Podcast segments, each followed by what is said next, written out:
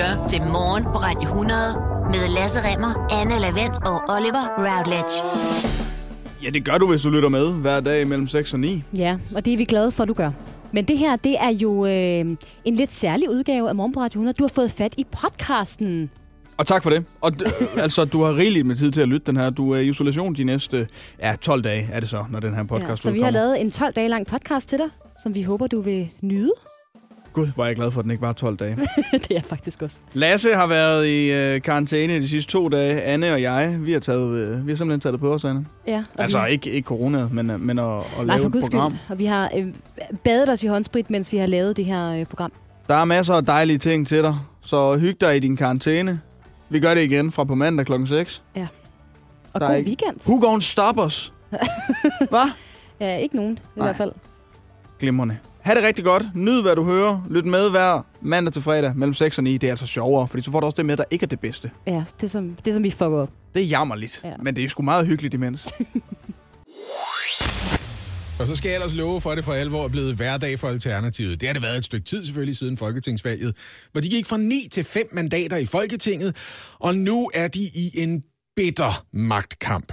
Øh, Josefine Fock blev af partiets medlemmer udpeget til at være fremtidig politisk leder. De har jo den her fine titel, der smager sådan lidt af Nordkorea, øh, i stedet for bare at tale om en formand, eller en forkvinde, eller en politisk ordfører. Politisk leder. Politisk. Den store politiske leder, Ja, vores lys, Josefine Fock fører an. Men prøv at høre, problemet med det for Alternativet, det er, at det har vist sig, at medlemmerne synes Josefine Fock, blandt alle de formandskandidater, der var, men folketingsgruppen kan ikke lide ideen om, det skal være Josefine Fock. Det er også lidt som om øh, Uffe Elbæk, den øh, anden stifter af partiet, og jo øh, hidtil politisk leder før Josefine Fock, han er ikke så begejstret for sin afløser. Han, Han- har, ikke gjort, han har ikke, simpelthen ikke gjort livet særlig let for hende, vel? De var ellers fælles stiftere af partiet. Præcis. Første gang, jeg talte om Alternativet øh, i et radioprogram på en nu død radiostation, der var det Josefine Fock og Uffe Elbæk, der ja. Dukkede op i skøn forening. Men det er som om, det at starte et parti, det har altså lige trukket nogle ret voldsomme veksler på deres venskab. Det må man formode i hvert fald. Ja. For Uffe Elbæk sidder jo stadigvæk i Folketingsgruppen. Han har en masse ordførerskaber. Han har ganske vist trukket sig efter et skuffende valgresultat. Men ah, mand, der er dukket historier op. Men, men hvad er der sket her i weekenden, Læs? Jeg ved, der er sket noget. Altså, der har været krisemøde lørdags, ikke? Ja. Og på det krisemøde, der var der et spinkelt fortsat mandat til, at Josefine Fock kunne være formand. Øh, eller, undskyld, jeg skal sige det igen, politisk leder Og det var et krisemøde i hovedbestyrelsen. Ja. Ja. Øh, problemet er, at Folketingsgruppen, de har ikke ændret synspunkt. De vil egentlig stadigvæk have foretrukket, at det bliver Rasmus Nordqvist, der sidder øh, i Folketinget. Og det gør Josefine Fock jo ikke. Det er jo også svært. Ja. Det er sket før. Søren Pape gjorde det. Det er sket før, at man kan være øh, politisk leder eller formand for et parti, uden selv at sidde i Folketinget. Men det er en vanskelig opgave at sætte sig selv på.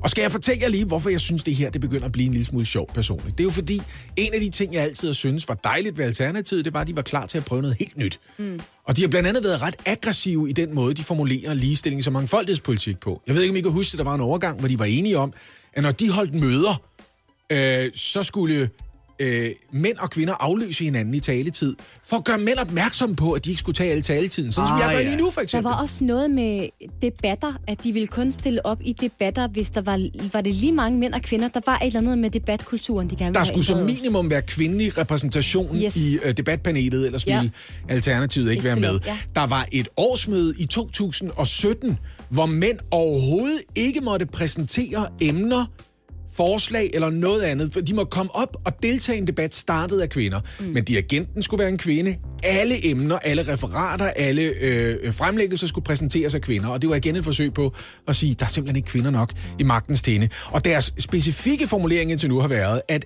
alle lov- og beslutningsforslag, de skal have en ligestilling som mangfoldighedsvurdering. De mener, der skal være mindst 40 procent mænd og kvinder øh, i regeringen. Og øh, generelt set, så har de været ret ag- aggressive med den her politik, men her er alligevel det vilde ved det, ikke? Folketingsgruppen, det er fire mænd og en kvinde, og de vil ikke have Josefine Fock. Ja.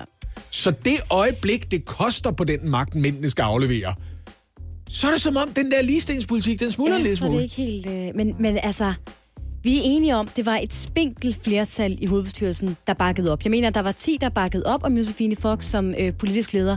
Der var syv, der sagde, hun skulle gå, ikke? Det er korrekt, siger jeg til dig, der er journalisten af os to, ja. Ja. Og i dag er det jo sådan, at Folketingsgruppen også holder møde for at drøfte, hvad hovedbestyrelsen er kommet frem til. Ja. Og man kan sige, det har de jo allerede gjort en gang, hvor de jo kom frem til, at de her historier, der har været fremme i medierne om, at Josefine Fox skulle have haft en øh, virkelig aggressiv, upassende ledelsesstil, Og kan vide, hvor de historier kommer fra. jeg kan vide, hvor de kommer fra, men at man ikke rigtig har kunnet dokumentere det. Og det var mm. lidt det samme, der kom frem på hovedbestyrelsesmødet. Og så er der jo også sket det her i weekenden, som, var, øh, som er ret vildt, apropos Uffe Elbæk, der har været ude og, øh, og kritisere Josefine Fock.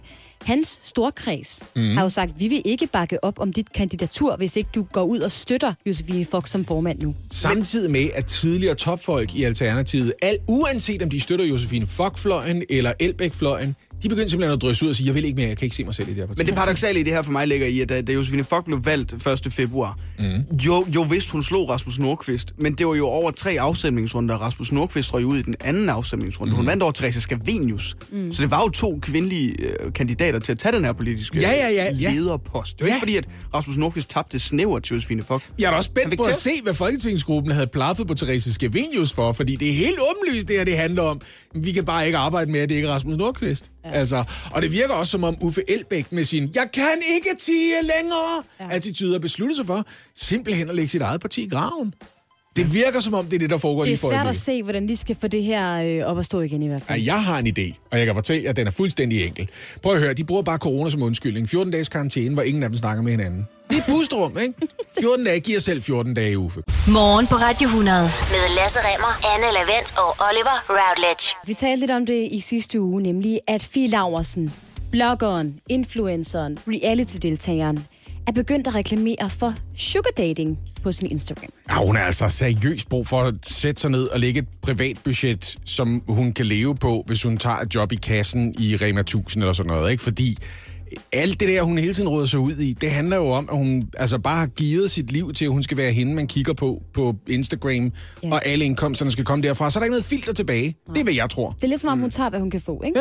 Ja. Øhm, og det her med, at hun jo reklamerede for sugar dating, det affødte kritik fra blandt andre Red Barnet. Og det er jo fordi, Fie Laursen har rigtig mange unge følgere, så jeg mener simpelthen, det er et rigtig dårligt signal at sende til dem, at det nu er en øh, god måde at tjene penge på, hvis man ligesom går ud og spiser med mænd, eller gør nogle andre ting. med Jeg er det, også ikke? lidt nysgerrig efter, hvor mange af Fie Laursens følgere, der er oprigtige fans og bare synes, hun er bare skønne, og hvor mange, der rubbernækker lidt. Hvor mange, der ligesom ja. altså, Ja. ja. tænker, det er sådan lidt et trainwreck follow. Hvad laver hun næste gang? Ja, det er lidt derfor, jeg følger hende faktisk. Mm. Men prøv at høre, nu fortryder hun altså den her reklame for sugar dating. Og hun undskylder den her reklame. Og lad mig lige komme med et lille øh, uddrag fra hendes blog. Her skriver hun nemlig følgende. Jeg har ikke nogen børn omkring mig. Jeg er kun i selskab med voksne. I jo et selskab med V. Øh, Åh, det er jeg, min had. Ja, jeg jeg havde det også. Så jeg glemmer ofte, at der er de yngre, som både tænker og føler anderledes, og det arbejder jeg på at huske mig selv på. Jeg sagde nej til at reklamere på lån, cannabisprodukter og forleden næseoperation. Så hvorfor fanden fuckede jeg lige op? Jeg bliver sgu lidt træt af mig selv nogle gange, så jeg føler med jeres tanker. Jeg prøver lige at tænke på, at jeg skal være en bedre rollemodel og tage bedre valg. Derfor vil jeg gerne undskylde. Nå, det var et lidt langt citat, men I forstod pointen, ikke? Hvis der var nogen, der kunne tænke sig at sponsorere et skrivekursus til Fie Lausen, så kunne det måske være en meget god idé. så, så var det det. altså når jeg for eksempel øh, står i en situation, hvor jeg har brug for undskyldning. Lad os forestille os, at jeg har kørt over for rødt. Det gør jeg ikke. Lad os forestille os, at jeg har gjort det. Ikke? Ja. Og nogen, der kommer og siger, hvad fanden laver du? Så gør jeg også altid det. Jeg remser lige op øh, alle de ting, som jeg ikke har gjort for nylig. Ja.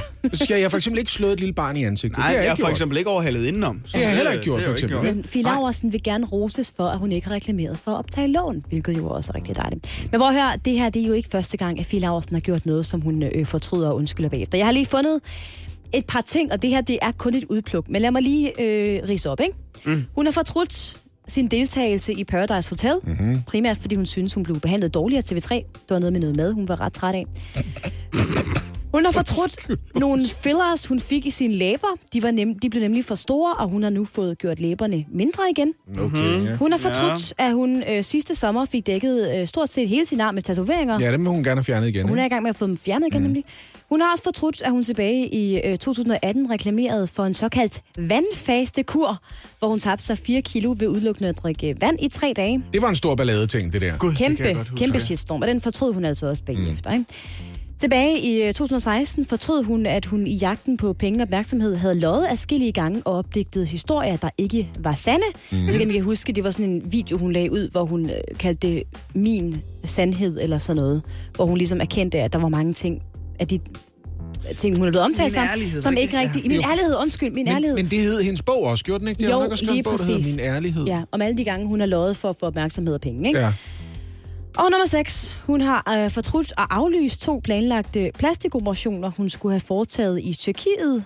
Hun skulle blandt andet have lavet en mindre næse. Ej, hun skal passe på sig selv, ikke? Jamen, det skal hun nemlig. Hun er, for- det virker altså på alle de der reaktioner og udsving som om, at det her det er en ung kvinde, som er for skrøbelig til det liv, hun har valgt. Det er også som om, at hun tænker ikke, altså, som vi andre lige øh, konsekvensberegner.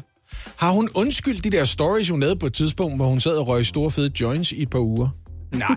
Nå, det har hun ikke sagt undskyld for. hun har nok glemt, hun har gjort det så. Altså, jeg skrev øh, inde i Google i går, Fie Laversen beklager, undskyld, og så kom der sådan alle de her ting frem. Men jeg har ikke, der stod ikke noget med joints. Vi må starte en komplet liste, så som andre kan google sig frem til. Ja. Godt være, det er det, der er nødvendigt. Nå, altså, det virker da som om, at der er nogen, der i hvert fald får sat skub i noget med at reflektere.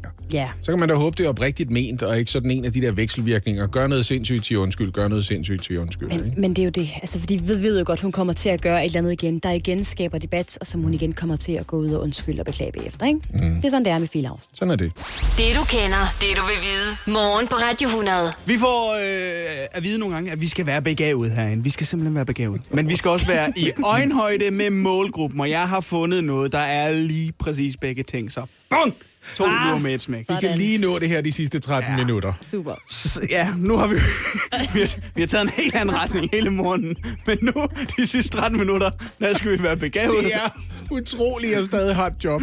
Jeg forstår det ikke. Fordi jeg har nemlig fundet ud af, at diætisten Sarah Schenker, hun siger, prøv at høre, den ketchup der, ikke også? Mm-hmm. Den indeholder altså eddike og tomater. Og det har den også. Øh, tomater indeholder den her naturlige syre. Så du skal bare opbevare din ketchup i ved normal stuetemperatur. Der har I den. Sådan. Siger, Så siger hun, at vi skal slukke for køleskabet, eller hvad? Det jeg ikke. Ja, hun siger bare, du skal...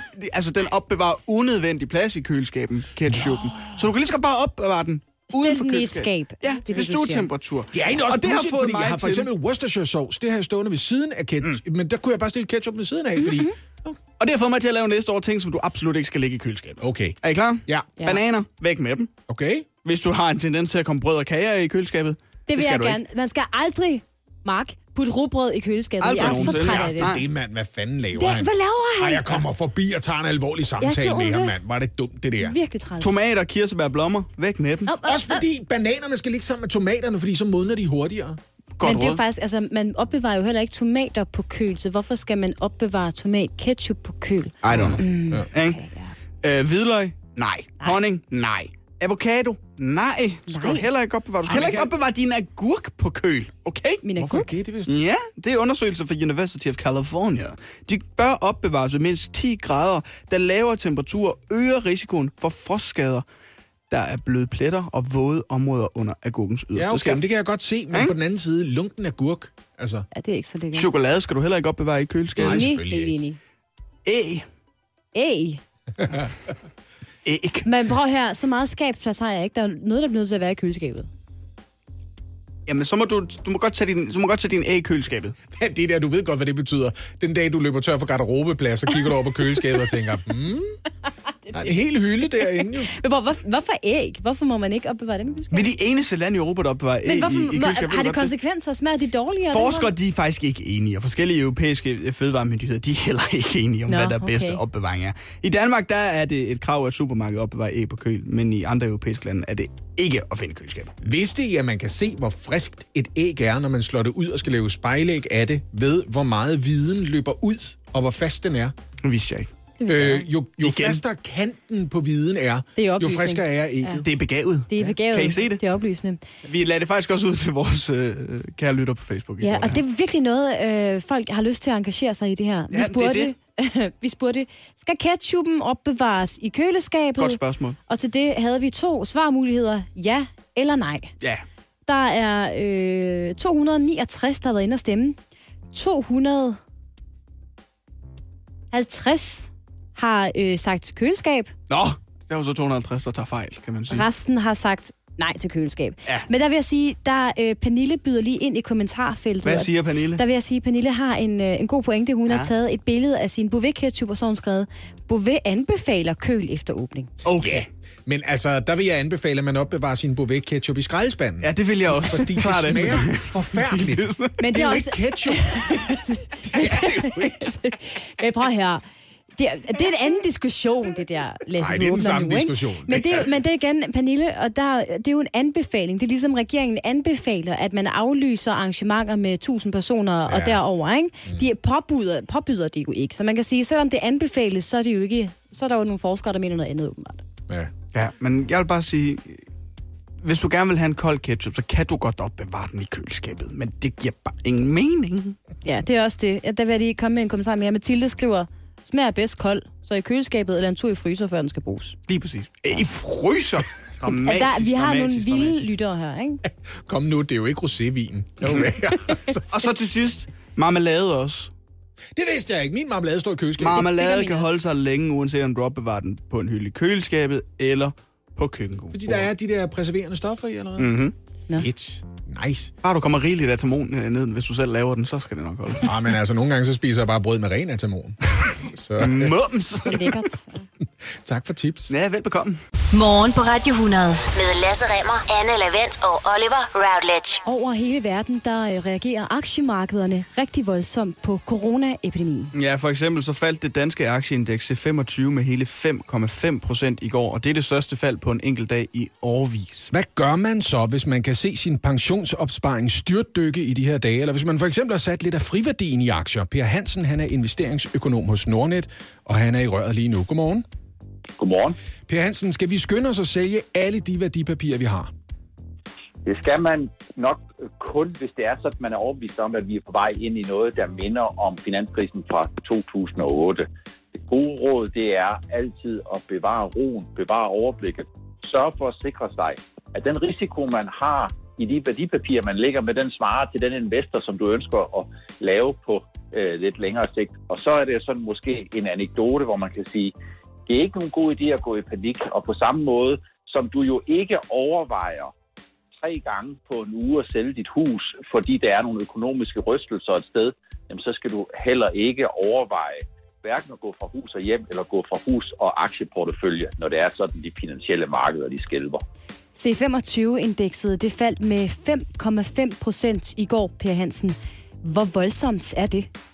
Ja, 5,5 procent er jo rigtig, rigtig meget, fordi bag ved en nedgang på 5,5 procent i gennemsnit for 25 aktier, jamen der gemmer der sig jo kursnedgange på de enkelte aktier på 10 procent eller mere.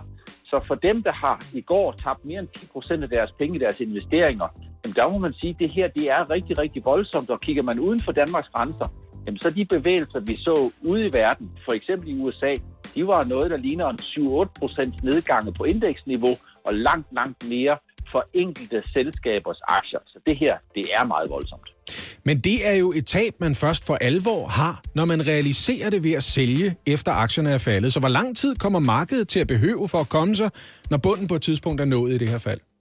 Man kan sige, at aktie, det er vigtigt at holde sig for øje, at aktiemarkedet er et sted, hvor den virkelige verden, den virkelige økonomi, det som øh, du og jeg og andre mennesker, de oplever i dagligdagen, det bliver ganget sådan med en faktor 3-4. Så derfor så skal man huske på, at selvom øh, coronavirus er meget øh, slemt, øh, og selvom den økonomiske udvikling ser usikker ud, så er det altså ikke sådan, at øh, aktiemarkedet giver det helt aktuelle og meget realistiske øjebliksbillede af, hvordan verden øh, den ser ud. Så aktiemarkedet forsøger på, rekord, på rekordtid og i realtid at inddiskontere de muligheder og de udfordringer, der kommer de næste 6, 12, 18 måneder. Så hvis jeg skulle give et bud på det her, jamen, så tror jeg, at vi er i epicenter nu, og det kan sagtens svare øh, to, tre, fire uger. Man skal bare huske på, at aktiemarkedet forsøger hele tiden at være 3-6 måneder før øh, foran realiteterne. Per Hansen, siger du her, at børsmalerne er nogle hystader, der overreagerer? Jeg siger, at øh, hvis vi kigger på aktiemarkedet som sådan, så består aktiemarkedet jo af selskaber og prisfastsættelsen på de her selskaber. Altså, hvad er selskaberne værd? den bliver jo sat hver eneste dag af os som investorer, men også af os som individer og mennesker. Og det er sådan, at på kort sigt, så er den største risiko eller de største muligheder i aktiemarkedet ikke relateret til, hvad der sker i den virkelige verden, men hvordan investorerne de opfatter og tolker de ting, der sker i den virkelige verden. Og når det drejer sig om virksomheder, det drejer sig øh, om, om selskaber, så er det jo mennesker, og mennesker reagerer med følelser. Og der, når man er sådan i følelsernes magt, jamen, så er der muligheder for, og risiko, risiko, øh, risiko for, at de her øh, bevægelser, de bevæger sig lidt noget eller rigtig langt væk fra den økonomiske virkelighed. Lad mig så bare sige, for tre uger siden, den 19. januar, der havde vi de højeste aktiekurser globalt set nogensinde. Her tre uger efter, der ser billedet noget anderledes ud. Og nu ser billedet noget anderledes ud, siger du, Per Hansen, og C25-indekset falder med hele 5,5 procent i går. Jeg kan ikke lade være med at tænke, hvis det nu er, man har lidt penge på kisebunden, er det så ikke nu, man skal købe? Det kommer an på, hvem du er som investor. Det kommer an på, hvor risikotolerant øh, du er, og det kommer an på din tidshorisont. Så hvis det er sådan, at du øh, skal bruge pengene øh, øh i overmorgen, så er det ikke sikkert, at du hverken har tidshorisont eller risikoprofilen til øh, at investere på kort sigt. Det er ikke nogen god idé overvejende at være event-investor, det vil sige overvejende at prøve på at finde ud af, øh, om det ene eller det andet skal ske tirsdag eller onsdag. Det, som langsigtet er en god idé, det er, det er meget bedre at købe en ejerandel i en fantastisk virksomhed til en fornuftig pris, end det er at købe et, øh, en ejerandel i et mindre godt selskab til en meget lav pris. For erfaringen det viser, at de gode afkast, de sker på lang sigt, og de sker i de gode selskaber. Per Hansen, du er investeringsøkonom hos Nordnet, og du skal have tusind tak for din øh, gode råd og dine øh, kloge ord her i morgen på Radio 100. Velbekomme, og god morgen til jer. Det du kender, det du vil vide. Morgen på Radio 100. Dramaet i Alternativet 2 i går eftermiddags endnu en drejning. Ja, partiets stifter og tidligere politiske leder Uffe Elbæk meldte sig ud af partiet, og det samme gjorde Rasmus Nordqvist, Sikander Siddiq og Susanne Simmer, og det betyder, at det nu kun er Torsten Geil, der er tilbage af partiets folketingsmedlemmer. Lige nu der har vi på telefonen politisk kommentator Noah Reddington. Godmorgen. Godmorgen. Noah Reddington, har Uffe Elbæk besluttet sig for at dræbe sit eget parti? Ja, det kan man vel sige. øh, Sådan nøgternt set, jeg tror, at Uffe Elbæks egen oplevelse er, at han redder sit eget parti ved at, at flytte det et helt andet sted hen. Og så er diskussionen jo, hvad skal alternativet til alternativet hedde? Det er noget af det, vi kan blive klogere på i løbet af de næste par dage. Hvad er der egentlig gået galt, siden partiet nu står i den her situation? Ja, man kan sige, at for Uffe Elbæk og Nordqvist og de to andre, ja, så har partiets medlemmer formastet sig til at vælge den forkerte leder. Det stod ikke i drejebogen, at Josefine Fox skulle gå hen og blive Uffe Elbæks øh, aftager. Det var helt oplagt, at han gerne ville have Rasmus Nordqvist, eller på den sags skyld, Therese Skavenius, øh, klimaforskeren. Han havde simpelthen ikke set, at øh, Josefine Fock ville stille op, som han sagde i den 20 går. Jamen, hun havde meldt sig ud af Folketinget. Det var som om, at hun havde lagt sin politiske karriere på hylden. Og det ændrer jo grundlæggende planen. Også fordi man må sige, at Josefine Fock, hun vandt ikke bare, hun vandt en knusende sejr. Så der kom et kæmpe modsætningsforhold mellem øh, partiet og så partitoppen Uffe Elbæk i spidsen. Og det var selvfølgelig uholdbart. Øh, hvis noget, hvad kan Josefine Fox så, så gøre nu, Nora Reddington? Jamen, hun har jo været meget præcis i, at, øh, at hun er jo bedre stillet end sidste gang, da hun prøvede at bygge et parti op med Uffe Elbæk, fordi dels er han der ikke, altså han er jo i gang med at lave noget et andet sted, og, og så har man trods alt et medlem af Folketinget. Det er jo bedre at have et medlem af Folketinget, end øh, ikke at have et medlem, og så kan man jo nok sige i alt fredsommelighed, at det bliver nogle lidt mere afdæmpede gruppemøder, Torsten Geil kommer til at holde med sig selv. Der vil være færre skideballer i hvert fald delt ud rundt omkring. Og det er jo så en del af det, der øh, også er dukket op i Uffe Elbæks afskedsbrev. Han har skrevet et åbent afskedsbrev, hvor han forholdsvis tydeligt giver udtryk for, at det kunne godt være, at man lige skulle have snakket lidt højere om, hvordan oplevelsen af den nye politiske leder af partiet var på de sådan helt Christiansborg-orienterede linjer. Det har baglandet ikke vidst. Skulle de have talt højere om deres oplevelse af Josefine Fock, eller, eller var der et eller andet andet, der gik galt? Ja, men det er jo meget svært at vide. Altså, man kan jo bare sige, at, at uh, fra Uffe Elbæks perspektiv, så valgte man den uh, forkerte formand, og jeg tror, som jeg læser Uffe Elbæk, så siger han, at han egentlig ikke uh, fortryder noget. Det er jo så også med til historien, at det er ret barsk, det der er, er foregået, og man skal lægge mærke til en mail, der kom ud i løbet af weekenden, hvor at Uffe Elbæks egen kreds, altså dem, som har opstillet Uffe Elbæk i København, de siger, på hvis ikke du går ud og erklærer total loyalitet over for Josefine Fock, så trækker vi støtten til dig. Og det har jo nok været noget af det, der er udslagsgivende for Uffe Elbæk, at han oplever, at han er med i et parti, hvor man, altså, man slår virkelig hårdt øh, i forhold til hinanden. Der er langt fra Love is in the air, og så til det, der er foregået i øh, Alternativet de seneste uger. Ja, og situationen er nu den, at Uffe Elbæk, Rasmus Nordqvist, Sikander Siddiq og Susanne Simmer altså har forladt Alternativet. Kan vi forvente os, Snow Reddington, at de her fire nu laver et nyt parti? Jeg synes, det lugter meget af, at de har tænkt sig at gøre et eller andet. Man skulle også bemærke i går, at Alternativs ungdom kollektivt meldte sig ud af Alternativet. De vil ikke længere være en del af Alternativets forskellige politiske organer. Det lugter af, at de har tænkt sig at gøre noget. Jeg tror ikke, det er nok for Uffe Elbæk og Rasmus Nordqvist at køre rundt på den her grønne cykel, som Uffe Elbæk han talte om at være en, øh, en ikke en gratist, men en løsgænger i, i Folketinget. Det lugter af, at de ikke er færdige med at, at lave politik i samlet flok. Politisk kommentator Nora Reddington, tak for din tid her til morgen. Tak fordi jeg måtte være med. Hjælp en, du holder af med at tage det første skridt til bedre hørelse. Få et gratis og uforpligtende hørebesøg af Audionovas mobile hørecenter. Så klarer vi det hele ved første besøg, tryk dig nemt i eget hjem. Bestil et gratis hørebesøg på audionova.dk eller ring 70 60 66 66. Mennesker i uh, tusindtal, vi lader vores smarte uger måle vores hvilepuls, når vi sover, eller den maksimale puls, når vi løber en tur. Og de data, der så kommer derfra, dem sender vi videre til Apple, til Garmin, til Google eller Samsung. Men vi sender det ikke videre til lægen eller andre sundhedsfaglige personer. Så det er faktisk vores øh, smartwatches og vores apps, der ved mere om vores sundhed, end vores læge gør. Ja, det gode spørgsmål er jo så, om den her slags data øh, ikke kunne bruges til at fremme sundheden og løfte forebyggelsen til et nyt og mere patientnært niveau. Og det kunne det godt, i hvert fald ifølge Karsel Opel, som er professor i almen medicin ved Institut for Folkesundhed øh, på Aarhus Universitet. Han siger, ja, det kunne vi sådan set godt bruge det her. Altså, er der ikke noget GDPR-orienteret der, der ligesom laver en barriere imellem Apple og Garmin og de der store datahøster, og så de mennesker, som kunne have gavn af at forske i folkesundhed over på den anden side af hegnet? Altså noget GDPR, der siger, at det må man ikke, fordi dine persondataoplysninger øh, skal vi ikke have noget med at gøre. Det skal vel stå i hvert fald i terms and conditions. Det, Alt det der, ingen af os læser, man bare siger, godkendt. Men det gør de jo 100% i Apple, Google og Samsungs tilfælde. Så skal de da bare give det videre jo. Jamen, men det er jamen, det, de gør. Men, jamen, skal de det? Ja. Altså, skal de det egentlig? Hvorfor, ja, hvorfor, hvad er det et godt argument for ikke at gøre det? Hvad synes du? Men jeg tænker vel, at det hurtigt bliver en eller anden form for... Øh, altså, noget, noget, jeg hader, det er at føle mig overvåget. Ah. Jeg ved godt, at man kan sige, hvis jeg giver alle de her oplysninger, øh, hvad jeg vejer, hvor høj jeg er, hvor tit jeg dykker motion til, til min telefon eller mit smartwatch, så sidder øh, Google og Apple jo og, øh, og har de data. Men jeg ved ikke, jeg ville have det dårligt, hvis min læge, hvis jeg, hvis jeg kunne forestille mig, at min læge gik ind på en computer og kiggede, Nå, Anne var ude at løbe en tur i går, eller Nå, Anne har ikke været nede at træne de seneste 14 dage. Ja, ja, ja, det ville være super ubehageligt. Jeg forestillede mig, at man gav sådan den samlede datamængde videre til forskning i folkesundhed. Men hvis der er tale om sådan noget på konkret personbasis, så er jeg 100% med dig. Men det her, det åbner, det her, det åbner op, jo op for begge dele. Altså en ting er, ja, det vil faktisk være en god idé at åbne op for sådan en generel ting, altså at der er nogle forskere, der kan bruge de her data. Ja. Man kan så sige, at de data, der kommer ind, er jo primært fra folk, der går op i det her.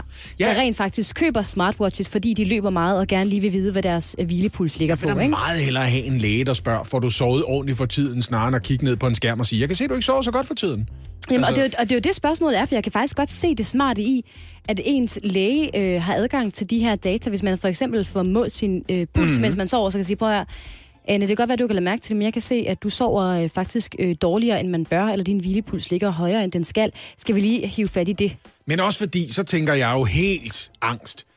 Skrives det så frem til, at på et eller andet tidspunkt er der nogen, der siger, vi har samlet alle dine oplysninger og overvåget dig rigtig lang tid, og nu hvor du har det her sundhedsmæssige problem, så vurderer vi, at det kan ikke rigtig betale sig at hjælpe dig i første omgang, for der er andre mennesker, der har passet bedre på sig selv, for eksempel. Men Ja. det her, det kan jo altså... øh, Resultater fra, fra daglige registreringer, hvis lægen har dem, så kan det indgå i samtalerne med en læge eller en fysioterapeut, og det kan føre til mere forebyggelse og bedre behandling. Det siger Carsten Nobel, professor i almen medicin. Altså, hvis vi kan gøre noget, som er så nemt, og som vi i forvejen deler, mm. som kan føre til mere forebyggelse og en bedre behandling af os som personer, hvorfor i alverden skal vi så ikke bare Jamen, gøre det sætter jeg også pris på, og jeg er med på, at han vil alt det bedste, og han er sikkert super dygtig til sit arbejde. Men det, han arbejder imod, det er sådan en grundlæggende skepsis hos for eksempel Anna og i et vist omfang hos mig, som siger, ja, ja, det er de gode ting, du kan bruge det til. Men hvorfor nævner du ikke, at du også ville kunne bruge det på nogle måder, jeg ikke vil bryde mig om? Ja, og så er der jo også sådan en, en diskussion om, okay, hvis, hvis vi nu siger, at øh, giganten øh, Sygeforsikring Danmark fik adgang til en sundhedsoplysninger, og så kunne se, prøv her, der er nogle helbredsproblemer, du dyrker overhovedet ikke særlig meget motion. Jeg kan også se, at du er overvægt ifølge den her øh, kurve, overvægtig ifølge den her kurve, derfor skal du ikke være medlem af Danmark. Ja, eller du skal i betale- Risiko, så, eller du skal betale mega mange penge, fordi du er, i høj risiko for at blive syg senere i livet. Ikke? At din mm. livsforsikring bliver dyrere, eller der er en ringere øh, udbetaling på den, fordi vi har samlet alle dine oplysninger. gode Og jeg er argument- godt klar over, at det er langt længere ude. Det er en glidebaneargument, Ja, ja. det her. Men, men man er altid bange for glidebanen, når man står på til- toppen af bakken. Men vil det ikke i det store billede være til gavn til flere, end det vil være en øh, forhindring for, for, for folk? Jo, men det skulle helt klart være sådan en opt-in-ting, ikke? Så skulle man selv, ligesom alle andre steder i samfundet, kunne sige, det her må du godt få at vide, det her det må du ikke få at vide. Du må ikke vide, hvor tit jeg dyrker sex. Det gider jeg ikke fortælle dig, Karsten. Ja. For eksempel. Jeg, jeg ved det ikke, jeg synes, det er svært, fordi jeg kan egentlig også meget godt lide den der almindelige samtale, man har øh, ved lægen, når man øh, en gang imellem er der, hvor de spørger, Nå, men hvad, hvad så? Får du dyrket noget motion? Og Hvordan så ryger du? Altså, hvordan står det egentlig til mm. med dig, i stedet for, at de sidder og kigger på en eller anden, øh, i et eller andet ark, hvor de har nogle data? Og så kan man jo diskutere de her øh, kilder, de har de her data fra, altså hvor troværdigt er sådan et smartwatch egentlig? Ja, altså de to seneste versioner af Apple Watch kan også måle din hjerterytme med en præcision, der er så god, at de amerikanske sundhedsmyndigheder har anerkendt uret som medicinsk udstyr. Ja, det er også skræmmende. Sejt. Det er rimelig blæret. Det er jo sjovt, at. Jeg siger, Sejt. Sejt. Jeg er jo sådan, jeg, kan jo, jeg er jo lidt first mover på ting, og jeg er ham, der bare klikker, ja tak, hver eneste gang den spørger mig, har du læst det her, er du okay med det? Ja, ja, lad mig prøve det. Ja, lad mig prøve noget nyt. Jeg ved ikke helt. Men jeg er også lidt nervøs for, hvad der venter på den anden side. Jeg reagerer bare ikke på det. Det vil jeg da gerne indrømme. Men prøv at høre, først skal vi lige runde øh, coronasituationen herhjemme, fordi ganske som ventet er der nu hjælp på vej til de brancher, der indtil videre er øh, blevet allerhårdest ramt på pengepunkten på grund af coronavirus. I går præsenterede Finansministeren, Transportministeren og Erhvervsministeren en såkaldt hjælpepakke med forløbig tre initiativer, der forhåbentlig kan forbedre situationen en smule. Og lad mig lige oprise, hvad de her øh, tre ministre de sagde. Først og fremmest så er der økonomisk kompensation på vej til de arrangører, der har været nødt til at aflyse eller udskyde arrangementer med flere end 1000 deltagere. Mm. Og det har de jo øh, gjort, fordi vores statsminister i fredags indkaldte til et pressemøde, hvor hun opfordrede til at gøre netop det, netop for at undgå spredningen af smitten så meget Okay. som muligt. Ikke? Ja. Man kunne spørge forsigtigt, skulle man have gjort det tidligere? Men det her, det afslører jo, at måske man har været forbeholden blandt andet, fordi er nødt til at gå ud og finde nogle penge først. Ja. Hvis du forlanger, at folk skal aflyse de der store kulturarrangementer, så er der nogen, der står med et erstatningsansvar til synligheden. Og jeg skal lige understrege, at det er jo stadigvæk en, øh, en opfordring, en anbefaling fra regeringens side. Det er, der er ikke tale om et påbud, men ikke desto mindre, så er der altså øh, penge på vej til de arrangører, der har valgt at aflyse. De kan få refunderet deres øh, tabte billetindtægter. Det andet punkt i hjælpepakken er en håndsrækning til de virksomheder, der virkelig kan øh, mærke øh, coronaviruset på deres indtægter. Regeringen er på vej med en hastelov, og den betyder, at virksomheder får mulighed for at udskyde betalingen af moms, arbejdsmarkedsbidrag og A-skat. Men det er, altså, det er en udskydelse. Det er ligesom om, når man får øh, kredit i banken, man siger, at vi kan godt høre, at det går lidt skidt hjemme hos dig for tiden. Nu får du lige et par måneder, og så vil vi gerne have, at du begynder at afdrage på din lån igen. Ikke? Så når de siger, at det drejer sig om 35 milliarder, så er det ikke 35 milliarder, staten skal bruge på det her. Nej. Det er renteomkostningerne forbundet med ikke at få de indtægter, før virksomhederne har råd til at betale dem. Præcis. Og for at blive lidt mere konkret, så bliver øh, A-skatten og arbejdsmarkedsbidraget udskudt i fire måneder, og så er det kun de store virksomheder, der kan få udskudt momsbetalingen, og det kan de i øvrigt kun i en måned. Det er noget med noget lovgivning fra øh, EU, der sætter begrænsninger på det, lød det fra øh, finansministeren i går. Man skulle ellers tro, de var de helt stå, små virksomheder, måske de skrøbelige øh, startup-virksomheder, som ville være øh, meget følsomme over for det her. Men altså, de er jo nødt til at trække stregen et eller andet sted, ikke? Ja, de kan få hjælp med A-skatten og, og arbejdsmarkedsbidrag. Regeringens tredje initiativ er en smule mere fluffy, vil jeg sige, fordi det omhandler en såkaldt corona-enhed, der skal finde konkrete forslag og løsninger på, øh, hvad der kan afhjælpe de her øh, problemer, som øh, dansk erhvervsliv oplever lige nu. Og den her, den her corona-enhed vil bestå af regeringen, Dansk Industri, Dansk Erhverv og så Fagbevægelsens hovedorganisation. Og de skal simpelthen have fokus på øh, transporterhvervene og turisme og oplevelsesøkonomi og komme med løsninger på, hvad man kan gøre for at afhjælpe den her øh, lidt kritiske situation. Det lyder umiddelbart som for mange. Det lyder som om, der bliver spist noget smørbrød og diskuteret hen over et bord. Men altså, hvem ved? Ja, hvem ved, må vi se, hvad der kommer ud af det. Men prøv at høre, sagen er den, at det her, det er øh, de forløbige punkter, der er blevet præsenteret i en hjælpepakke, fordi finansministeren gjorde rigtig meget ud af i går at understrege, at øh, der kommer flere tiltag, der kommer mere hjælp til erhvervslivet, fordi man må jo forvente, at flere brancher bliver øh, ramt i løbet af de næste par uger, hvis udviklingen fortsætter, som vi har set. Og det gør den jo nok. Morgen på Radio 100 med Lasse Remmer, Anne Lavendt og Oliver Routledge. Hvad er det for et reality-tv-program, som jeg øh, har fået til listen over dem, jeg godt gider se? Mm-hmm. Øh, og det startede med, at jeg egentlig bare sad i sofaen og prøvede at beskæftige mig med noget andet. En bog, en computer, lad os være ærlig, min telefon. Øh, mens Line sidder ved siden af og begraver sig i det her program, som vi begge to har hørt en del om i løbet af den sidste uges tid. Fordi folk, der ser det, de snakker om det. Det er på Netflix, og det præsenterer sig selv på den her måde. I've met the person I want to spend the rest of my life with. Oh my god. I've never seen her before. Here, you will choose someone to marry Hello. Nice to hear Hello. from you. Can't say see ya. without ever seeing them. If you're ready to find the love of your life, Game time. the pods are now open. Kind of work do you do? So what are some of your biggest turnoffs? So what are you looking for in a woman? Ethnicity, race, physical appearance. None of that matters. I'm really starting to emotionally connect with you. This could be a remarkable love story. Åh, hun er ved at græde her, og det er man altså også selv nogle gange i løbet af det her program. Ja, jeg ved det godt. Det her det bliver serveret præcis som det, det er. Et super amerikansk, super poppet kærlighedsdatingsprogram. Det er jeg med på. Det hedder Love is Blind. Det kører på Netflix. Hashtag ikke sponsoreret. Det er faktisk bare oprigtig begejstring for det her program, fordi det er eddermame sat mig i gang med Men- at binge-watche. Det kan jeg godt fortælle jer. Der er jo lavet tusind af den her slags programmer, mm. Lasse. Hvad er, hvad er det, det her kan? Altså, lad mig forklare kort, hvad det går ud på. Ja. De har fundet en række giftemodne singler, mænd og kvinder.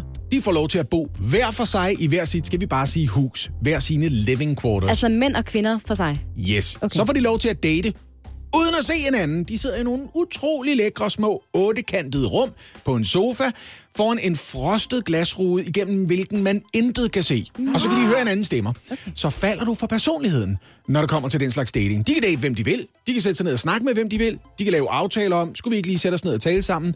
Nogle af dem, de bruger sådan noget 12 timer på at bare ligge i hver deres sofa og sige, åh oh, gud, er det også rigtigt, havde du også en hund, da du var barn og sådan noget. Og pointen er så, at når de har siddet derinde i et øh, nærmere defineret tidsrum, så kan den ene part fri til den anden. Og det, der frier til hinanden, anden, de kommer ud, så får de deres telefoner tilbage, de har ikke haft mulighed for at kommunikere med omverdenen. Og så er der fire uger til brylluppet står. Og i løbet af de fire uger skal de finde ud af, om de får kolde fødder, om de tænkt sig at blive gift alligevel. Det er lidt gift ved første blik, bare uden nogen blikke. Og hvor bor de sammen? Altså bor de oh, stadigvæk, Gud. hvor bor de i et hus for sig, så når de er kommet ud og er blevet friet til? I første omgang rykker de ind i et lejlighedskompleks. Der er så lidt, lidt nogle hvedebrødsdage, så man har lige fundet sig lidt lækkert resort først, og så sidenhen, så skal de flytte ind hos en af parterne. Ikke? Prøv at høre, der er en masse ting galt med det program, det ved jeg godt. Sådan er det nogle gange med ting, man elsker. Så kan man godt finde en masse fejl ved det, men det ændrer ikke ved, at grundlæggende, så fanger det ens hjerte. Og nu skal jeg fortælle jer, hvad det er, jeg godt kan lide ved programmet. Jeg kan godt Ja, lide... tak, fordi du har ikke mig endnu. Og men det prøv at høre. Det fungerer på flere forskellige øh, planer. Man skal lige komme forbi, at det er åbenlyst, de har castet nogle meget, meget lækre mennesker i 20'erne og 30'erne. Altså efter en amerikansk standard, så er de klart over middel, de her mennesker. Jeg siger ikke, at de alle sammen er drop dead gorgeous. Jeg siger bare, at det her, det er ikke Mr. Average Joe and Jane okay. i USA. Mm-hmm. Det er pænere folk end ellers, og nogle af dem er måske også lidt på jagt efter en reality-kendis karriere. Ja vel. Har vi overstået det?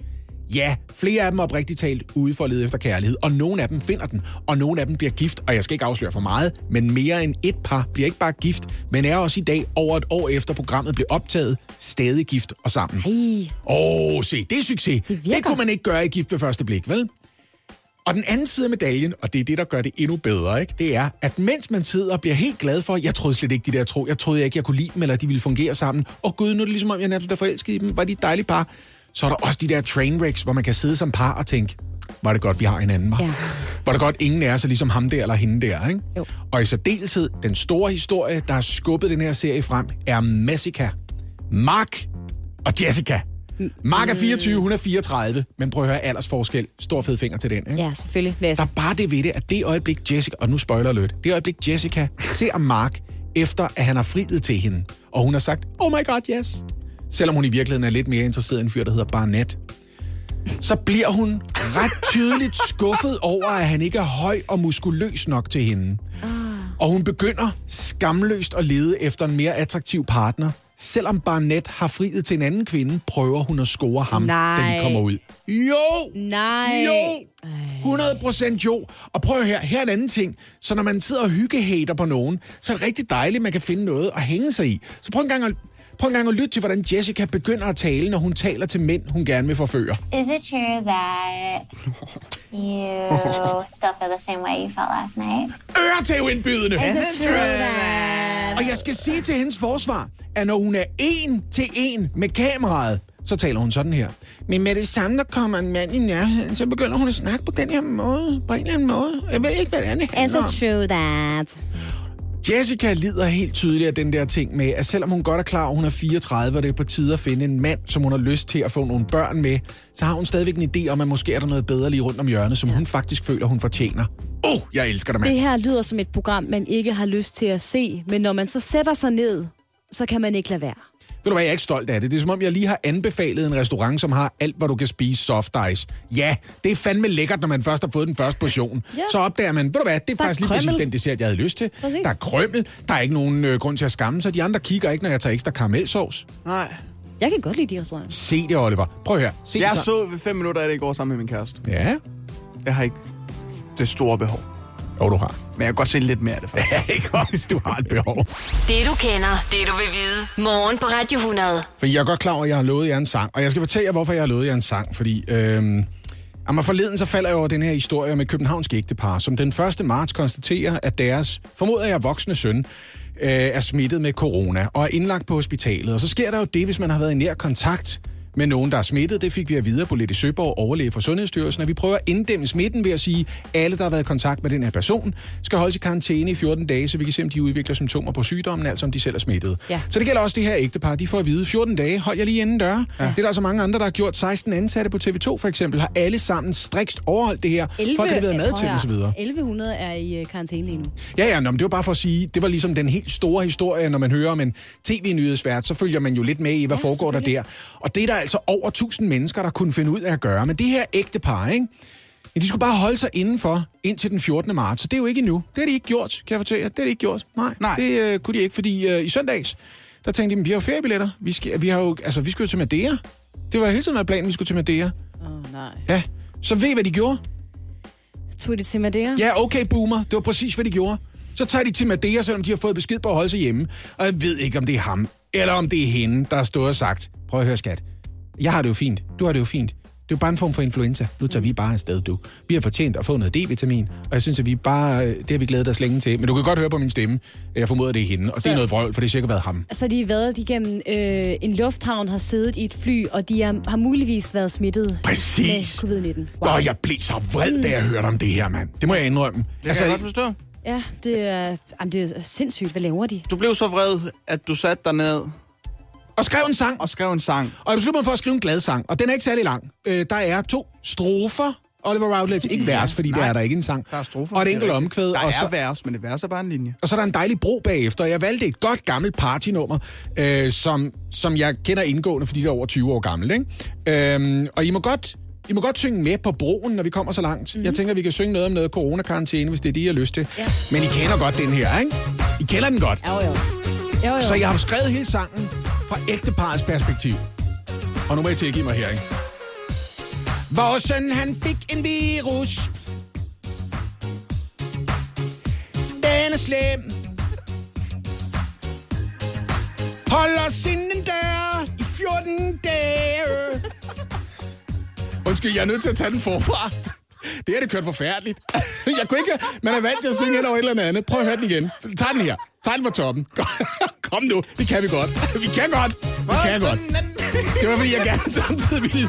Jeg vil gerne fortælle jer samtidig, at det er fra ægtepars perspektiv. Ikke? Den lyder sådan her. Vores søn, han fik en virus. Og vi fik karantæne. Hold os inden dør i 14 dage. Ja, som om vi er så dumme. For vi har ferieplaner. Og vi har haft dem længe. Og hvis vi ikke rejser, så har vi spildt rimelig mange penge. Så vi to skal til Madeira. Vi har fortjent lidt ferie. Vi skal ned og smitte lidt flere. For der er morgenmadsbuffet. Den kan man stikke fingrene i. er I glade? Ja, det er rigtig godt. Jeg kan lave en ny udgave på et tidspunkt, for jeg tror, jeg glemte lidt af teksten. Nu kommer broen. Karantæne, karantæne, karantæne, karantæne. Prøv at høre, jeg... Jeg synes, vi skal gøre... Du har hænderne over hovedet og alting. Jeg synes, vi skal prøve at gøre det her fremover, for det er gået op for mig en gang imellem, så bliver jeg sur over ting. Og ja, det kan være, at jeg bliver bedre til det, hvis jeg øver mig lidt mere. Øh, ikke at blive så sur, men nok så vigtigt. Bare få det ud af kroppen. Ja. Det er ligesom en glad musik. Men kan vi aftale altid at gøre det over Going to Ibiza? Ja, altid. Eller det kunne også godt være et andet Benga Boys nummer. Mm. Det er, for det, bare det er dem. Det, det. Enten det, eller så øh, Lars Ketchup. Ja, ja, det vil jeg også godt. Ja. Øj, Vi skulle med til med de ra. Vi skulle ned og smitte med noget corona. Til de lokale, de ved ikke, hvad der ankommer det. Ej, den tager jeg i morgen. Er Den kan jeg mærke, jeg tager i morgen. Det er fedt. Åh, oh, nu har jeg det bedre. Tak fordi I var tålmodige med mig, fordi det havde jeg altså lige brug for at komme af med det der. Man bliver så sur, når man hører om sådan noget, ikke? Tak for sangen, Lasse. Ja. Det var en Det var fornøjelse. så lidt. I går på et presmøde, der bekræftede Mette Frederiksen altså, at Danmark bliver lukket ned i en sådan grad, at det ikke er set siden 2. verdenskrig. Alles adfærd bliver helt afgørende, og derfor må alle nu være klar over situationens alvor. Den sundhedsfaglige smitteanalyse er, at der er én ting, der virker imod smitten, og det er, at vi mennesker ikke omgås hinanden for meget. Øh, vi skal stå sammen, og vi skal passe på hinanden, men vi skal gøre det på en anden måde, end vi plejer. Vi plejer som danskere at søge fællesskabet ved at være tæt med hinanden. Nu skal vi stå sammen ved at holde afstand til hinanden. Ja, vi skal i den grad øh, holde afstand fra hinanden. Det bliver altså mere og mere alvorligt, det her. Og de seneste tal viser altså, at 514 personer, Oliver, nu er øh, smittet med coronavirus i Danmark, mens over 1300 er i karantæne. Der er sket en voldsom stigning. Og det er der, fordi vi er begyndt at smitte hinanden her i Danmark. Det vil sige, at vi ikke Ja. ja. længere bare tager øh, smitten med hjem fra andre lande, der er øh, hårdt ramt. Og derfor, som vi hørte Mette Frederiksen sige her, så præsenterede regeringen altså nogle ret drastiske tiltag i går. Ja, og lad os bare øh, dykke ned i dem. Ja. alle elever og studerende på alle offentlige ungdomsuddannelser og videregående uddannelser. Det vil altså sige gymnasiet, det vil sige handelsskolen, det vil sige universitetet Universiteter. og så videre, Yes. skal hurtigst muligt sendes hjem, og private uddannelsesinstitutioner opfordres til at gøre det samme. Forløbligt to uger fra i morgen, men allerhelst fra i dag. Ja, og hvis du har mindre børn, så bliver du og de altså også påvirket. Alle folkeskoler og daginstitutioner lukker ned senest fra på mandag, men igen opfordres du altså til, hvis du har mulighed for det, så hold dine børn hjemme øh, allerede fra i dag. Og så kan jeg sige til dem, der øh, ikke har pasningsmuligheder eller har mulighed for at blive hjemme med børnene, der etableres der nødpasning rundt omkring, så der er altså mulighed for at få sine øh, børn passet, hvis det skulle knibe med det. Ja, og så er det altså også slut, i hvert fald i et stykke tid, med at gå til kor og fodbold, fordi alle indendørs offentlige kulturinstitu- kulturinstitutioner, biblioteker, fritidstilbud lukker ned nu. Og igen så opfordrer private tilbud af samme karakter til at gøre nøjagtigt det samme. Og også i det her tilfælde, så gælder opfordringen i to uger. Ja, og hvor det øh, lige før var børnene, der bliver ramt, så er det nu de voksne, der også bliver ramt, Oliver. Fordi alle offentligt ansatte, der ikke varetager det, der hedder kritiske funktioner, øh, skal sendes hjem fra arbejde, og det skal de senest fra i morgen og to uger frem, og så skal de, så vidt det er muligt, arbejde hjemmefra. Og så kan jeg sige, at dem, der varetager de her såkaldt kritiske funktioner, det er selvfølgelig øh, politi og personale i sundheds-, ældre- og plejesektoren. De skal blive på arbejde, fordi dem har vi virkelig hårdt brug for i de her dage. Ja, i den grad. Og så igen vil vi gerne understrege, begræns brugen af den offentlige transport, Ja. så vidt som muligt. Især i myldretiden. Jeg så også lige i går, at DSB nu indført pladsbilletskrav, så man skal altså have en. Ja. pladsbillet for at øh, komme med togene. Desuden kan jeg lige sige, at øh, besøg på plejehjem og hospitaler bliver begrænset nu af hensyn til selvfølgelig ældre og folk med svækket immunforsvar, for det er altså dem, der kan få rigtig alvorlige problemer, hvis de først bliver syge med covid-19. Og så er regeringen også på vej med det, der hedder en hastelovgivning, der skal forbyde samlinger med over 100 personer. Det er ikke mange. Nej, det er øh, faktisk ikke muligt for regeringen at forbyde den slags i dag. Men den lov, den er altså på vej, Ja. som det ser ud nu. Så det starter altså med en, øh, en opfordring fra regeringens side, og en opfordring fra regeringens side øh, kom der altså også i går til diskoteker, barer, den slags beværtninger, men opfordrer dem til at holde lukket. Ja. Ikke? Og det er jo en anbefaling, fordi man kan jo ikke påbyde øh, diskoteker, at de skal lukke ned for deres øh, forretninger, men det er altså en meget, meget klar opfordring, fordi det er der, vi smitter hinanden, og mm. så vidt det er muligt, så skal man altså holde sig hjemme i de her dage. I den grad, ja. Og så bare igen en understregning af, at Verdens Sundhedsorganisation, WHO, har været ude at fastslå, at udbruddet af coronavirus er en pandemi nu, som det ser ud nu. Og det bruges som en smitsom sygdom, som udbredes over en hel verdensdel eller flere kontinenter. Ja. Og som Mette Frederiksen sagde i går. Og det er vores klare overbevisning, at vi hellere skal handle i dag, end at fortryde i morgen. Ja, det må man i den grad sige, at øh, der bliver gjort. Det du kender, det du vil vide. Morgen på Radio 100. Ja, og det er ikke kun øh, her i Danmark og Europa, at det her coronavirus altså fylder alt lige for tiden. Også i USA har præsident Trump nu valgt at forbyde alle rejser fra Europa til USA de næste 30 dage. Man kommer simpelthen ikke ind i landet. Nej, og indtil nu så har Trump ellers gjort rigtig meget for at tale øh, viruset ned. Han har eksempelvis tweetet, at der er flere amerikanere, der dør af influenza. Han har brugt sit yndlingsord, det er fake news. Mm. Og det er godt nyt, at benzinpriserne de falder. Endnu en gang godmorgen, Philip Christian Ulrik. Godmorgen. Altså tager præsident Trump det her seriøst, eller gør han ikke?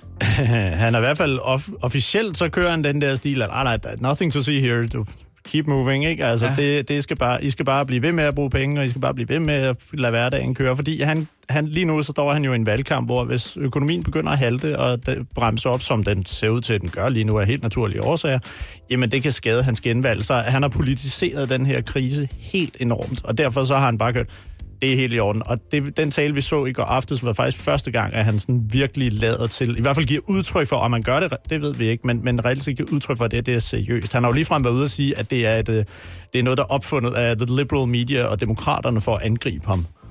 okay, og hvad har så alligevel nu fået ham til at, øh, at, at indføre så drastisk et middel som at stoppe fly fra Europa til USA? Jamen, vi skal huske, det er jo faktisk ved at være halvanden måned siden, han stoppede al flytrafik fra Kina, faktisk. Øh, Så, så han, det er jo noget, man har gjort før, og det er den her symbolik med, at vi lukker grænserne, vi inddæmmer det, på vi, vi sikrer os på Mm. den her måde. Han var også direkte ude at tale om, at det var en udenlandsk virus, den Mm. her, der kom, og man sådan et, ja jo, altså, den, jeg tror ikke, der er nationalitet på den, det er jeg Nej. ret sikker på, ikke? øhm, så altså, altså, det er et drastisk middel, men, men det er også, som jeg sagde lige før, det er too little, too late. Altså, han, der, der, administrationen har dummet sig hver eneste gang, den har haft mulighed for det. Altså lige nu, for eksempel Trump var også ude den anden dag at sige, at Nå, jamen, hvis man havde løb, igen underspiller det totalt, om hvis man havde lyst til at blive testet, alle havde lyst til at blive testet, de kan blive testet. Nej, det kan de ikke. Mm. Øh, de amerikanske sundhedsmyndigheder er ved at løbe tør for materiale til at gennemføre den, gen, den test, der skal til for at konstatere coronavirus. Den er de ved at løbe tør for. Øh, alene det at udvikle den test har taget øh, to måneder, fordi man har valgt at, for, øh, at forkaste den øh, test, som øh, WHO har været ude og, og dele med verden og sige, den her test virker. Den har amerikanerne, øh, Trump-administrationen sagt, den bruger vi ikke, vi udvikler vores egen. Det er forsinket processen helt vildt. Altså to måneder på at udvikle en test med den hastighed, vi har set øh, coronavirusen sprede sig, så er det jo mørketal, vi slet ikke kan forestille os potentielt set i, i USA, fordi folk går rundt og har ikke, øh, har ikke kunnet blive testet og kan stadig ikke blive testet. Så det er øh, fake news for Donald Trump? det er i hvert fald øh, et spin, der vil noget. Ja. Øh, altså, hvad er grunden til, at Trump han laver de her tweets? Hvad får han ud af det? Fordi, altså, man kan sige, har han skrevet det her, det, det, det passer ikke, og det er, er spændt fra alle mulige medier, og det ikke var kommet til USA, og folk mm. øh, ikke var blevet syge, så er det måske godt kaldt, så kan han gå ud og sige bagefter, hvad, hvad sagde jeg? Jeg Ja. er den bedste fedt land. Men nu er det kommet. Altså, kommer han ikke til at se super dum ud? i Det er kommet til USA. Der har været dødsfald, og antallet af smi- konstaterede smittede er, er jo stærkt stigende. Og det er jo derfor, han er nødt til på en eller anden måde at tage hånd om det, fordi hans egne vælgere kan jo også godt se, at antallet af coronasmittet er øh, stigende. Øh, men det er simpelthen, fordi han står i en valgkamp, og det her, det er alt for ham at, at holde, prøve at udstråle ro og sige, der er styr på det. Økonomien skal bare, øh, vi skal have rettet op på økonomien, fordi det er hans genvej til en, øh, et genvalg i, til november. Hvorfor vælger han ikke at gøre øh, lidt mere som den danske regering, og være lidt mere forebyggende, så at sige, prøv her, jeg har styr på det, nu lukker vi øh, landet lige så stille og roligt ned for at inddæmme den her smitte. Jeg passer på jer. Hvor, han tager en fuldstændig anden strategi. Problemet er lidt, at han er, han er nu blevet indhentet af, at han lyver. Ja. altså, han har nu løjet i to måneder om, hvordan situationen står til. Han har, hans administration har løjet i to måneder. Hans minister og hans rådgiver har været ude at sige, det her det er overhovedet ikke seriøst. Vi har, altså, vi har ind, vi, de har jo direkte været ude at sige for et par uger siden, vi har inddæmmet det her, vi har styr på det. Øhm, og lige nu er, det, er sandheden jo ved at indhente dem, at det har de ikke. De har ikke styr på, hvad de laver, og flere og flere historier kommer ud. Så det er egentlig derfor, at han er, nød, han er jo ligesom nødt til, administrationen er nødt til gradvist at komme tilbage fra, fra den, det, det, op af det der hul, de har gravet for sig selv, at, øh, at okay, der var måske lidt mere i det, end, øh, end som så. Det er noget med, at Trump han også har nægtet at lade sig selv teste for coronavirus. Er det ikke det? Jo, og det er også øh, altså, bemærkelsesværdigt, at øh, efter alle sundhedsmyndigheder har været ude og tale om, at øh, større forsamlinger er frarådet, så lad være med at give hånd, og det første præsidenten gør, det er at tage til et stort rally i Midtvesten og give hånd til samtlige mennesker, der står ude foran flyet. Ikke?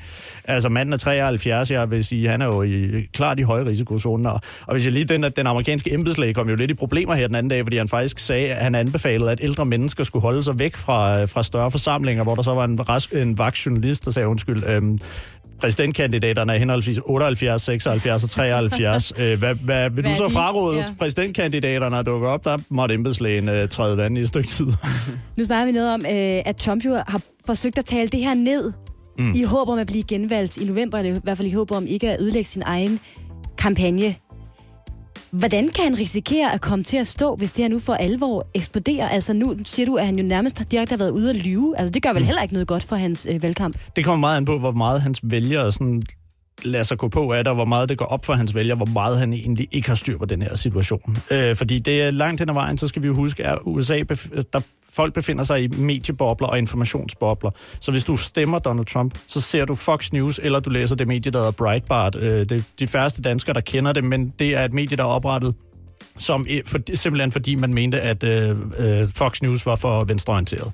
Mm. Så skal I ligesom prøve at forestille jer, hvad det så fører med sig. Ikke? Ja. Men, men det er øh, simpelthen øh, informationskampagner, de kører for Donald Trump. Alt, hvad der bliver trykt i de her medier, er for Donald Trump. Så derfor kommer der lige nu også et, sådan, ikke et positivt spin, men sådan et meget øh, matter of fact. Øh, jamen, præsident var ude i går, og øh, så ignorerer man fuldstændig, at det står i skærende kontrast til alt, hvad han har sagt hidtil.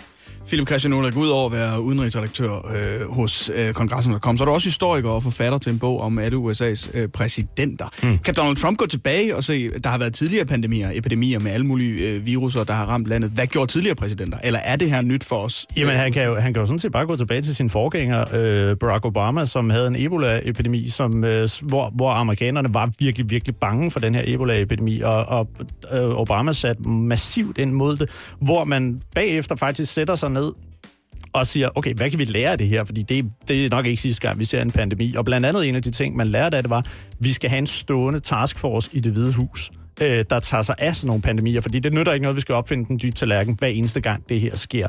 Øh, så derfor oprettede man en stående taskforce, der ligesom havde styr på det her, og havde kontakt til alle ministerier, og ligesom, der var en plan. Øh, den blev nedlagt af Donald Trump i øh, 2018, fordi der var ikke brug for sådan en taskforce. Han skulle spare nogle penge, og der var jo alligevel ikke nogen pandemier, og ja, det betaler man jo så lidt prisen for nu, for eksempel. Så han kan faktisk bare gå tilbage til sine forgængere, øh, men det er noget, han absolut ikke har lyst til. Og coronaviruset er jo kommet til USA. US, øh, Trump og myndighederne har forsøgt at øh, tage det lidt ned. Hvordan kan den her situation udvikle sig de næste par måneder? Jamen lige nu er det jo et spørgsmål om, at de amerikanske myndigheder løber rigtig, rigtig stærkt for at få overblik over den her situation. Netop fordi man i lang tid ikke har kunnet teste folk ordentligt. Man har ikke fuldt... Man har, man har jo lagt låg på alle udtalelser om, at corona var kommet til, til USA. Altså, vi har øh, amerikanske læger, som har været ude og forklare, at faktisk i en måned fik de besked fra de centrale myndigheder om, at de måtte ikke offentliggøre, at der var øh, coronavirus i, i USA. Øh, så lige nu er myndighederne har jo ikke kunne følge udviklingen, så derfor ved man lige nu ikke, okay, hvor, øh, der, det har vi jo set Sundhedsstyrelsen her i Danmark være rigtig dygtig til at mm. sige, vi følger, hvordan den her udvikler sig, hvor starter det, hvad er kæderne, der ligesom hænger sammen. I USA har man lige nu ikke en anelse om, hvordan det hænger sammen, fordi man har været været så, man er så langt bagud. Det bliver spændende at se, hvilke konsekvenser det her det kommer Og en til lille at få. smule skræmmende også. Og en lille smule skræmmende ja. også. Philip Christian Ulrik, udenrigsredaktør for Kongressen, historiker og forfatter. Tusind tak for besøget. Selv tak. Hjælp en, du holder af med at tage det første skridt til bedre hørelse. Få et gratis og uforpligtende hørebesøg af Audionovas mobile hørecenter. Så klarer vi det hele ved første besøg, tryk dig nemt i eget hjem. Bestil et gratis hørebesøg på audionova.dk eller ring 70 60 66 66. Efter pressemødet i går, Anne Lavent, som altså blev afholdt 2030 i statsministeriet, ja. af vores statsminister Mette Frederiksen, Magnus Heunicke, øh, der var... Øh, Repræsentanter fra, øh, repræsentanter fra Sundhedsstyrelsen og fra Udenrigsministeriet. Jeg tror, de stod og fra politiet, ja. fem slags myndighedspersoner. Det gjorde de nemlig. Ja. Og øh, umiddelbart derefter var der kaos rundt omkring i dagligvarerbutikkerne. Både i Aalborg, der var også i København, og jeg tror, det gælder for rigtig mange steder i landet. Folk er simpelthen begyndt at gå i panik og hamstre. Ja, fordi nu sker det. Nu lukker Danmark ned, og vi skal alle sammen øh, dø, hvis ikke er coronavirus, så er sult, eller hvad? Lige præcis. Ja, og dertil, der øh, er der simpelthen lige noget, der er vigtigt at huske. Jeg kan godt være bekymret for, at øh, danskerne begynder at hamstre. Vi har set det i, i andre situationer, som er, har været mindre voldsomme samfundsmæssigt, end det vi ser nu. Øh, Vi har ikke viden om pt, at vi skulle stå i en fødevarekrise, og at vi ikke kan få de leverancer, der almindeligvis gælder. Og det er vigtigt, at den private sektor opretholder øh, den almindelige funktion, hvad angår supermarkeder og betjening øh, øh, ved kassen og, og distribution af fødevarer. Så der er ikke nogen grund til at hamstre. Nej, det Det- er der nemlig ikke. Ret så klar opfordring, En- øh, altså- vores statsminister kommer med her. Så direkte som den overhovedet kan blive Ja. fra en øh, politiker, der er ingen grund til at hamstre. Og det fik også Salling Group, Coop, Dagrofa og Rema 1000, som står bag de altså store supermarkeder i landet, ja. til i går at udsende en samlet pressemeddelelse, hvor de også maner til besindighed. De siger, coronaviruset har fået mange til at spekulere i, om der er dagligvarer nok i butikkerne. Det er der, for så vidt, at forbrugerne handler som de plejer, og ikke øger deres indkøb helt ekstraordinært. Og alligevel så så man fuldstændig tårlige billeder fra øh, supermarkeder, hvor folk de øh, kørte fire og fem indkøbsvogne rundt og øh, rev toiletpapir og konservesdåser ned fra hylderne. Der er live-billeder fra TV2 News i går aftes øh, sent, og jeg skulle ikke have været op, og det var jeg, hvor man ser en mand komme ud fra Bilka i City Syd i Aalborg, der har handlet for 1700 kroners konservesprodukter og toiletpapir. Og jeg vil godt væde min gamle hat på. Nu kender jeg ikke den her mand overhovedet, men han plejer altså ikke at handle for 1700 kroners konservesprodukter og toiletpapir. Og, og hvis, det hvis, da- han, hvis han handlede for så meget øh, med konserve, så kan jeg godt forstå, at han brug for toiletpapir. Ja, i den grad. Og lyder så det er jo at gå i den stik modsatte retning af alt, hvad der bliver anbefalet. Og det er jo, lad os bare sige det som det er, idioti. Fuldstændig Det er idioti. idiotisk at gå ud og ribe butikkerne, fordi du frygter, at øh, du løber tør for, øh, for mad og toiletpapir. Fordi så er der jo andre, der løber tør for mad og toiletpapir. Handel dog for helvede, har jeg lyst til at sige, som du plejer, fordi så er der nok til alle. Nå, men også, at, at, at der bliver skabt... DR havde en live-reporter ud til Netto på Østerbrogade i Østerbro i, i København. Og der var en kø, og jeg lover dig, den var 30-40 meter lang, den her kø ved kassen. Ja.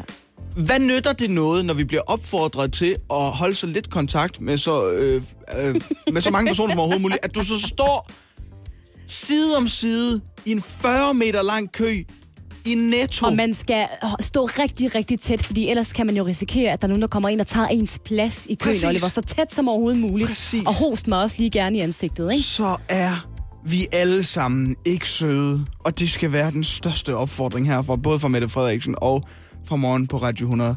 Så længe, at du forhandler og handler, som du plejer, og du ikke øger dit indkøb helt ekstraordinært, så er der nok dagligvarer. Det er ikke en opfordring, det er en ordre. Det Lad er være. en ordre, Lad for helvede være med at gå ud og, øh, og tømme butikkerne. Lige præcis. Det kommer til at ramme os alle sammen.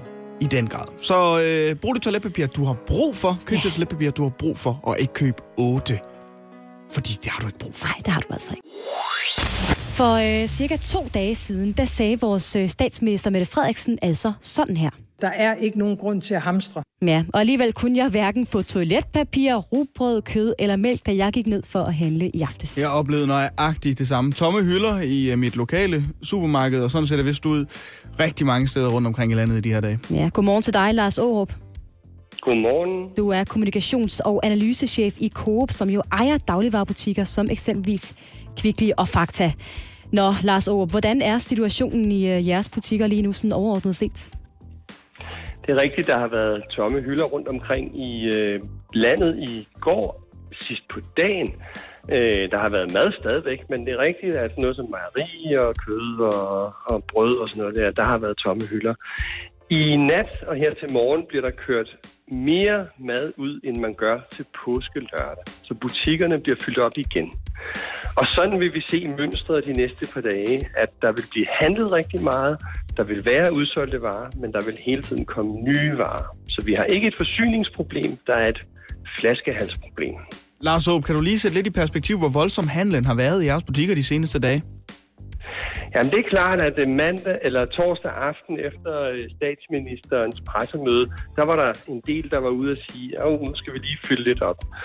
Øh, I løbet af i går, der blev det sådan, øh, man kunne sammenligne det med en travl julehandel.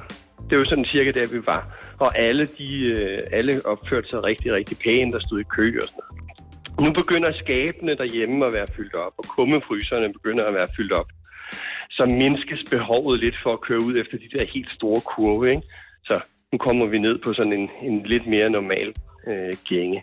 Dog kommer vi nok til at se flere mennesker i butikkerne de kommende dage, fordi der er mange flere, der er hjemme fra arbejde, så de spiser ikke i kantiner. Mm.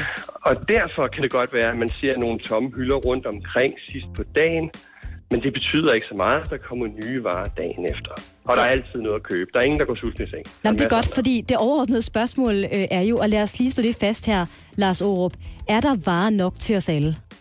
Ja, der er rigeligt med varer, og der er over 3.000 butikker i Danmark. Så vi har simpelthen en overflod af mad i Danmark. Det er ikke det, der er problemet. Det er at have det på den lille hylde på det tidspunkt på dagen, hvor der så kommer den sidste kunde ind i butikken. Det er det eneste. Lars Aab, en ting er jo, at folk køber rigtig mange varer. Det er I jo hos Coop vel helt okay med. Men, men altså, hvordan opfører folk sig i butikkerne? Efter pressemødet, så cirkulerede der et par, øh, par videoer, øh, sådan, du ved, der, var lidt, der virkede sådan lidt optøjsagtigt. Og de er da spektakulære, selvfølgelig er det det, men det er slet ikke billedet på, hvordan folk de i øvrigt opfører sig. Det vi ser øh, hele dagen i går, og det jeg regner med, der sker i dag, det er, at vi har mange mennesker i butik, som køber meget ind, men det foregår stille og roligt. Man står i kø, og man snakker sammen. Hvis der er nogen, der er i kontakt med øh, mange mennesker, og som virkelig er helte for tiden, så er det jo de kasseekspedienter, der også arbejder i blandt andet jeres butikker, Lars O. Hvad gør I for at passe på dem i den her tid? Ja, det er rigtigt. Vores øh, kassemedarbejdere, de er i første linje, fuldstændig ligesom sygeplejersker, brandmænd og politifolk. Og det skal de simpelthen have en, øh, en medalje for. Øh, det er heldigvis sådan, at, vi, at man ikke, selvom de fortjener det, så går man ikke hen og krammer og kindkysser sin kasseekspedient. Man har lyst til det der nogle er gange. En vis, der er en vis afstand mellem øh, kunden og ekspedienter, og det er i kort tid, man står der. Så på den måde er de ikke i den der nære øh, kontakt med andre mennesker. Lars Aab, kommunikations- og analysechef i Coop. Du skal have tak for din tid her til morgen. Selv tak. God dag. Ja, og hvis vi lige skal tage de seneste tal, Oliver, så er der lige nu konstateret 674 smittetilfælde af coronavirus i Danmark. Mm. Og selvom vi har fulgt det her tal rigtig meget, fordi det bare er eksploderet i løbet af den her uge, så er det formentlig ikke det, der kommer til at fylde så meget de kommende dage og uger, fordi Sundhedsstyrelsen har nemlig ændret strategi i forhold til coronavirus. Okay. Og det betyder, at alle nu i princippet øh, betragtes som mulige smittebærere. Hvad? Altså så... Det skal du forklare. Ja, det skal jeg nemlig. Øhm, det jeg siger, det er, at man nu kun vil teste dem, der har alvorlige symptomer på coronavirus og bliver meget syge. Okay. Så bare fordi, i situationstegn, du kommer hjem øh, fra eksempelvis Norditalien eller Østrig, som jo er øh, nogle af dem, der er øh, risikoområder i forhold til coronavirus, Mm-hmm. øh, og du oplever at blive syg, eller i hvert fald få influenza-lignende symptomer, du ikke ved, hvad det er, det kunne være influenza, det kunne også være coronavirus, så skal du ikke nødvendigvis testes Og det handler simpelthen om, at vi ikke skal belaste vores sundhedsvæsen alt for meget. Det forklarede direktør i Sundhedsstyrelsen, Søren Brostrøm, på et pressemøde i går. Vi skal tænke, hvis vi får forkølelse, let feber og hoste, så kunne det være coronasmitten, som vi har. Det giver ikke længere mening, at vi bruger sundhedsvæsenets ressourcer på en meget omfattende indsats, hvor vi ud fra geografiske kriterier tager folk ind og bruger dyre, dyre sygehusydelser på og teste dem for corona, for de skal ikke indlægges på sygehuset. Nej, det skal de nemlig ikke. Så det han siger er, hvis du mistænker, at du har corona, fordi du har almindelige influenza-symptomer, ja. så bliv hjemme og opfør dig, som om du havde corona. Du behøver bare ikke at blive testet for det. Isoler dig selv. Lad være med at omgås øh, for mange mennesker, især ældre mennesker og folk med et svækket immunforsvar. Til gengæld, så hvis du oplever alvorlige symptomer, altså hvis du får det virkelig skidt, og får de her værktrækningsproblemer, som også er øh, en konsekvens af coronavirus, så skal du kontakte øh, din lægevagt eller ringe til øh, dit lokale sygehus for at få en test, fordi så skal du udredes. Okay. Og, og målet er simpelthen at sortere, fordi man kan ikke hjælpe alle, der bliver konstateret med coronavirus. Og det er fordi Sundhedsstyrelsen forventer, at omtrent 10 procent af befolkningen kan blive ramt af det her virus. Hvis vi lige omsætter det, Oliver, så er det omkring 600.000 personer. Og det er altså ikke alle, der får alvorlige symptomer. Altså, der får det meget, meget skidt af det her. Så det er ikke nødvendigt at teste og udrede alle. Fordi det bliver simpelthen for belastende for sundhedsvæsenet, hvis man skal teste 600.000 personer, og de fleste af dem alligevel bare får at vide, du skal gå hjem, og så skal du øh, isolere dig selv i de næste 14 dages tid. Ja, og der er ikke andet, du kan gøre. Ja, altså giver det okay, mening så det her? det er, det, det er ret tidligt omhu på en eller anden måde. Jamen det er altså, det nemlig, så det kan ja. godt være, at du har coronavirus, men der er ingen grund til, at du sætter øh, sundhedsvæsenet øh, på den anden ende og skal testes og behandles, Nej. hvis du i virkeligheden ikke har det værre end en almindelig influenza. Og sagen er den, nu sagde jeg lige før, at man forventer, at omkring 600.000 personer altså kan blive ramt af det her virus. Af dem vurderes det, at cirka 10 procent vil få behov for behandling, altså virkelig vil få det dårligt øh, og har brug for at blive indlagt, eller i hvert fald få anden behandling øh, i vores sundhedsvæsen. Det vil sige 60.000 personer ja får altså brug for behandling på vores Det er med mange, mand. og Hold vores sundhedsvæsen. op. Og det er derfor, vi bliver nødt til at, at skelne mellem dem, der er alvorligt syge, ja. altså dem, der virkelig har brug for behandling, og så dem, der i virkeligheden kan klare det her virus ved at isolere sig selv øh, og se noget Netflix, og så øh, tage et ekstra par panodiler, ikke? Hold nu op, det er mange, mand. Ja, så det er en ny strategi her. Ikke alle skal testes, og det er også derfor, at det her øh, smitte antal formentlig er en lille smule sat ud af spil lige nu, for det kan, det kan godt være, at der er mange flere i det her samfund, der har coronavirus. Der er ingen grund til at teste dem for det, så længe de følger myndighedernes anvisninger og bliver hjemme, hvad end du har influenza, hvad end du har corona. Og hvis du så oplever, at du får det rigtig skidt, og du har øh, brug for behandling, så kontakter du øh, Sundhedsvæsenet. Og så er det sådan, det er. Og der, der bliver vi nødt til at sige, når direktør i Sundhedsstyrelsen, Søren Brostrøm, årets dansker 2020, han siger, at det her, det er de nye retningslinjer, så retter vi bare ind. Så retter vi så ind. makker vi ret, Ja, okay? men det giver jo også øh, rigtig god mening, fordi sundhedsvæsenet kan ikke klare de her mange, mange personer, der altså risikerer at blive øh, smittet af det her virus. Det du kender, det du vil vide. Morgen på Radio 100. Jeg vil dog sige, Oliver, øh, jeg er faktisk okay med, at vi stadigvæk møder op øh, i det her studie og sender radio sammen. Fordi når jeg tænker over det, så har jeg en lille smule ondt af alle dem, der er mere eller mindre isoleret de næste to uger, ikke? Jo, også mig. Øh, vi er sådan halvisoleret, kan man sige. Altså, vi har... Føler jeg.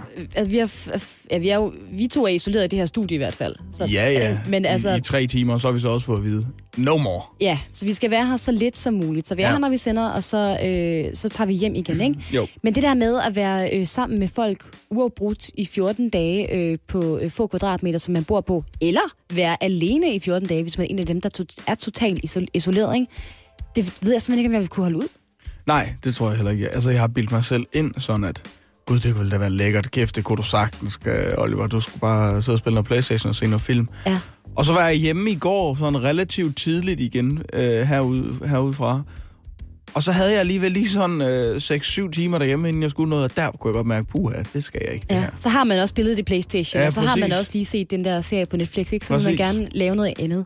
Jeg kunne også se i går på Facebook, at der var rigtig mange, der efterlyste øh, ting, som, som deres børn kunne lave. Altså gode råd, gode lege, quizzer, og der var folk, der var, og det, det, det elskede jeg, tilbød, at de kunne læse højt. Altså, de startede sådan nogle Ja, live-videoer på de sociale medier, og så sagde de, prøv at sætte jeres børn øh, foran skærmen, og så læser jeg højt af en børnebog, og så har forældrene en lille smule fri til at gøre noget andet. Kunne det ikke være fint, hvis der også var en voksenudgave af det? Fordi jeg så, at øh, TV2 News-verden øh, Gertrud Højlund Ja. havde været ude og skrive det samme på sin Facebook, at hun, øh, nå, hun godt måske også tænkte sig de næste 14 dage og lave sådan noget med, at hun på et bestemt tidspunkt hver dag vil læse højt fra en bog. Ja.